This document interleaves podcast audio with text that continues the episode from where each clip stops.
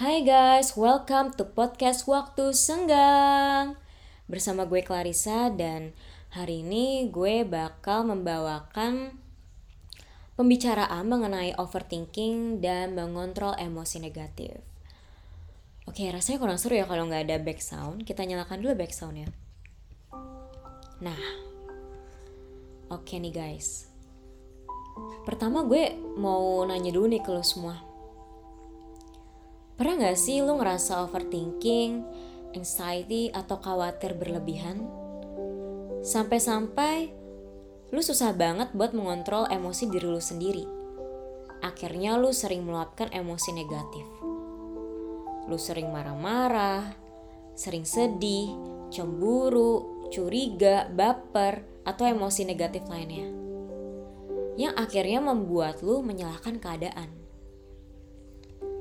Kalau iya, berarti lu berada di podcast yang tepat. Karena apa? Karena di episode pertama gue nih, gue bakal sharing mengenai filosofi hidup. Anjay, filosofi hidup. Tapi filosofi hidupnya ini cukup mudah sih dipraktekkan.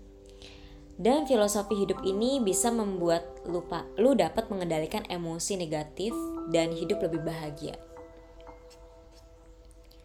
Well, Podcast ini sebenarnya gue buat dari pengalaman gue yang suka banget overthinking dan khawatir sama masa depan gue.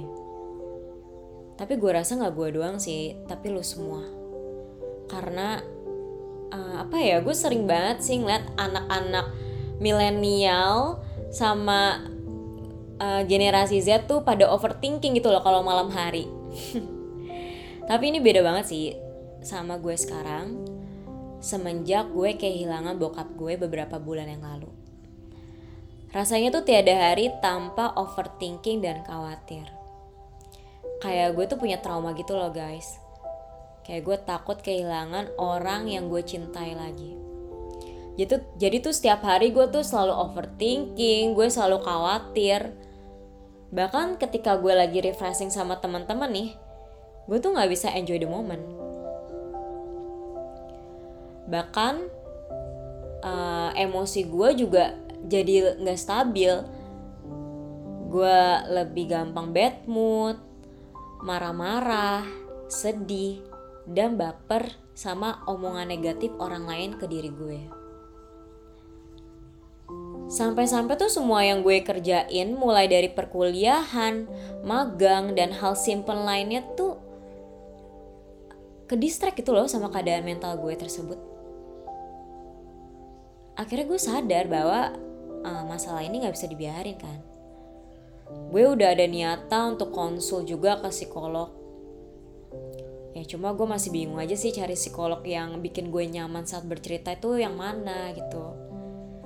Dan akhirnya sambil gue nyari-nyari psikolog gue juga mencoba cara lain nih kayak nonton video-video self healing terus baca-baca buku self healing dan gue menemukan satu buku bagus yang mengajarkan gue untuk mengendalikan emosi negatif gue sehingga gue bisa hidup lebih bahagia atau enjoy the moment lah anggapnya. Buku ini dinamakan Filosofi Teras. Buku ini ditulis oleh Henry Manapiring di mana ia juga pernah mengalami depresi. Nah kalian bingung gak sih kenapa kok dinamai filosofi teras? Jadi tuh sebenarnya nama filosofinya itu stoicisme.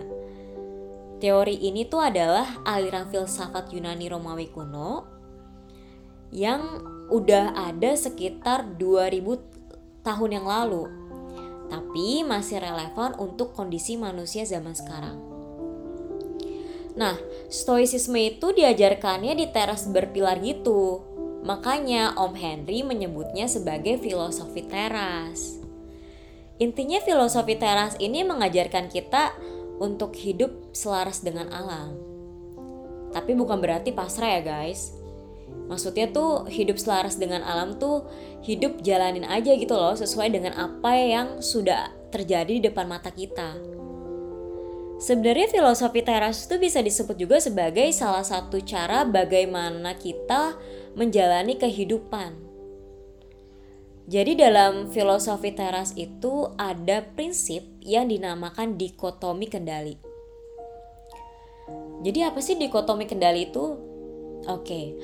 Dikotomi kendali itu adalah kemampuan pikiran kita untuk memisahkan hal-hal yang ada di bawah kendali kita dan di luar kendali kita. Jadi di bawah kendali kita tuh seperti pertimbangan, opini, atau persepsi kita, keinginan kita, tujuan kita. Pokoknya segala sesuatu yang merupakan yang berasal dari pikiran dan tindakan kita sendiri. Nah, kalau yang di luar kendali kita itu contohnya seperti tindakan orang lain, opini orang lain, reputasi, popularitas kita, kekayaan kita, kesehatan kita, kondisi saat kita lahir, atau musibah yang terjadi di hidup kita. Nah, setelah gue menerapkan dikotomi kendali ini selama kurang lebih dua mingguan lah, gue tuh kayak lebih legowo aja gitu loh sama hidup. Gue jadi lebih jarang overthinking, lebih jarang khawatir. Dan ketika gue pergi sama temen-temen, ya akhirnya gue juga bisa lebih enjoy the moment. Gue jadi bisa lebih mengontrol emosi gue Kecuali nih ya guys, kadang kalau peristiwa baru terjadi, ya gue pasti langsung panik biasanya. Lalu khawatir lagi dan emosi negatif gue muncul lagi. Jujur emosi negatif itu sebenarnya wajar. Tapi kalian tahu gak sih guys?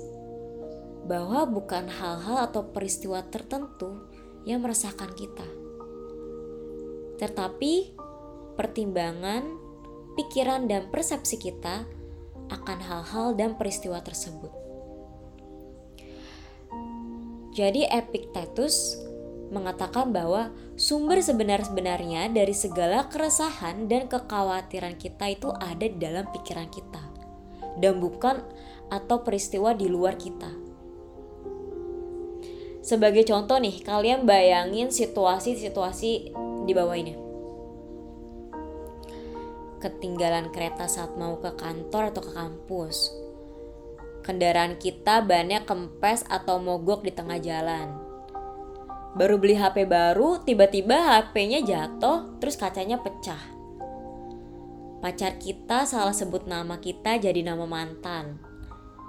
Rumah kita yang kena musibah misalkan kebanjiran.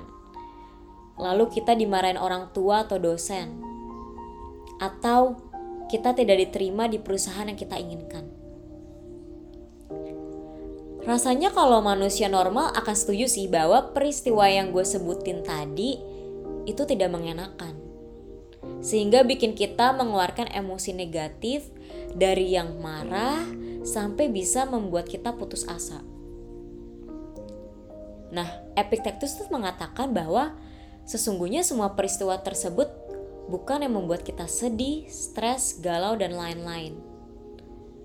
Menurut Stoicisme, peristiwa-peristiwa itu adalah netral. Jadi, tidak baik dan juga tidak buruk. Namun, persepsi, anggapan, dan pertimbanganlah yang membuat itu semua menjadi buruk. Hah, gimana tuh maksudnya? Oke, oke kita bahas perlahan ya. Jadi gini sih, sebenarnya mempelajari stoicisme itu menyadarkan gue bahwa banyak dari emosi negatif kita merupakan akibat dari interpretasi otomatis atas sebuah kejadian. Ketika ada kejadian yang tidak enak menimpa kita, kita secara otomatis merasa dizalimi, diperlakukan tidak adil. Akhirnya emosi negatif pun menyusul atau menjadi merasa kesal, takut, dendam, cemburu, dan lain-lain. Marcus Aurelius mengatakan bahwa sesungguhnya kita memiliki kendali terhadap rasa cemas, khawatir, dan emosi negatif kita dengan cara mengendalikan interpretasi secara aktif. Kita bisa menginterpretasikan sebuah peristiwa secara rasional. Oke, kita langsung ke contohnya aja kali ya. Ini adalah contoh ketika kita menggunakan interpretasi otomatis. Misalnya nih guys, kita mendapatkan nilai jelek saat ujian. Nah, kalau misalkan menggunakan interpretasi otomatis, pasti kita berpikir bahwa guru kita atau dosen kita tuh pelit nilai atau pilih kasih. Akhirnya muncul emosi negatif yaitu kita kesal, kita marah, kita frustasi. Nah, coba deh. Sekarang kita menggunakan interpretasi rasional. Peristiwanya sama. Nilai ujian kita jelek, dan interpretasi rasionalnya adalah, oh, gue bisa memakai pengalaman ini untuk lebih banyak memperdalam materi, mencari wawasan baru. Nah, sehingga emosi yang dihasilkan tuh positif. Kita lebih tenang, terus kita juga terinspirasi untuk lebih giat belajar dan mencari wawasan yang lebih luas. Nah, jadi tuh teknik kita yaitu dengan cara menginterpretasikan peristiwa secara rasional. Tapi emang gak mudah ya guys. Kadang kan kita juga udah duluan mengeluarkan emosi negatif kan. Gak apa-apa karena stoicisme itu mengerti bahwa sifat dasar manusia memiliki emosi dan perasaan yang bersifat refleks. Lalu gimana sih cara mengontrol emosi negatif yang muncul? Oke, okay. gue bakal jelasin uh, teknik lain di filosofi teras, yaitu teknik STAR, S-T-A-R. S-nya itu adalah stop, T dan A-nya itu adalah thinking and assess, dan yang R-nya itu adalah respon. Nah, prinsip STAR ini bisa digunakan di situasi apa pun. Oke, kita bahas satu-satu ya. Pertama itu ada stop atau berhenti. Jadi ketika kita sudah merasakan emosi negatif nih, secara sadar kita harus berhenti dahulu. Kita bisa nih bilang dalam hati, oke okay, time out. Oke, stop marahnya, stop sedihnya. Jadi ketika emosi negatif itu muncul, kita tuh harus belajar untuk stop memikirkannya. Nah, selanjutnya adalah think and assess dipikirkan, dan dinilai. Nah, setelah menghentikan proses emosi sejenak, kita bisa berpikir secara rasional. Kemudian menilai apakah perasaan tadi bisa gue benarkan atau tidak. Tanya ke diri sendiri, emosi yang gue lagi alami ini terjadi karena hal di dalam kendali gue atau di luar kendali gue sih? dan selanjutnya adalah respon. Nah, respon ini bisa diucapkan atau uh, res maksudnya respon ini bisa bersifat ucapan atau tindakan. Nah, tapi diharapkan respon ini adalah hasil dari penggunaan nalar atau rasio sebaik-baiknya. Adil dan menahan diri serta berani. Oke, contohnya gini deh. Gua upload foto di sosial media. Lalu ada kejadian orang komentarin di foto gue nih. Cak, kayaknya kalau gemukan dikit pasti lebih cakep. Nah, otomatis secara refleks gue kesel dong. Pasti mengeluarkan emosi negatif. Kayak apaan sih nih orang? Emang hidup lu sempurna apa sih? Kok bisa ngomong gini ke gue gitu kan? Nah, kalau udah begini, teknik STAR tuh bisa dipakai jadi pertama kita bilang stop dulu ke diri kita. Oke, stop cak, jangan marah-marah. Kedua, think and assess. Emosi yang gue alami ini terjadi karena di luar kendali gue atau di dalam kendali gue sih? Nah karena ini bersifat opini kan, komentar orang lain, otomatis emosi ini terjadi karena di luar kendali kita dong. Mungkin sebenarnya bagi mereka yang komen seperti itu, bagi mereka tuh kayak biasa aja, nggak ada maksud untuk mengejek atau menghina diri gue. Ya udah, oke. Okay. Setelah kita think and assess, barulah kita respon. Nah, karena gue udah menggunakan interpretasi rasional gue, ya gue akan respon, "Oh, iya." Tapi gue menikmati tubuh gue yang sekarang ini dan gue suka itu. Lalu mungkin kita bisa lah chat pribadi ke orangnya bahwa uh, apa ya setiap orang punya tubuh yang berbeda-beda dan punya perjuangan yang berbeda-beda untuk mendapatkan tubuh yang ideal. Dan mungkin per, uh, perkataan lu itu bisa loh menyakiti orang lain. Jadi coba ya untuk uh, jaga omongan gitu. Walaupun balik lagi ya ke diri masing-masing kan ada yang baperan, ada yang enggak. Kalau misalkan udah tahu tentang teknik STAR ini dan bisa menggunakan interpretasi rasional ya mungkin kita bisa lebih positif thinking gitu kan dan meresponnya dengan positif. Tapi kalau misalkan yang masih menggunakan interpretasi otomatis kan ya pasti akan kesal dan marah sehingga menyakiti hati mereka gitu. Nah, jadi sebenarnya kayak apa ya? kita belajar untuk bodoh amat itu loh sama omongan orang. Tapi bukan berarti kita nggak peduli ya. ya. Kita tetap fokus sama tujuan hidup kita. Nah, jadi itu salah satu penggunaan teknik STAR. Kalian bisa sih menggunakan teknik ini di situasi lainnya. Kayak misalkan macet di jalan, atau misalkan kehilangan uang, itu bisa tuh teknik STAR dipakai. Nah, jadi gimana guys? Tadi kan kalian udah dengerin nih prinsip apa saja dan teknik apa saja dari filosofi teras yang sebenarnya nggak hanya gue doang sih yang bisa nerapin ini, tapi kalian semua juga bisa. Oke oke, mungkin gue akan ngasih refleksi kali ya buat lu semua daripada podcast gue cuma didengerin doang kan? Nah jadi ini nih refleksinya.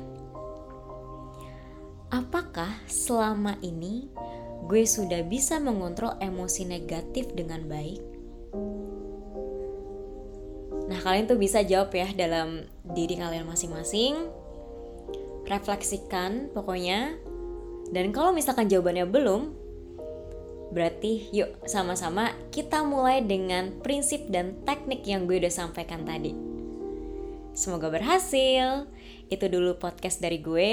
Sampai bertemu di episode selanjutnya ya. Bye.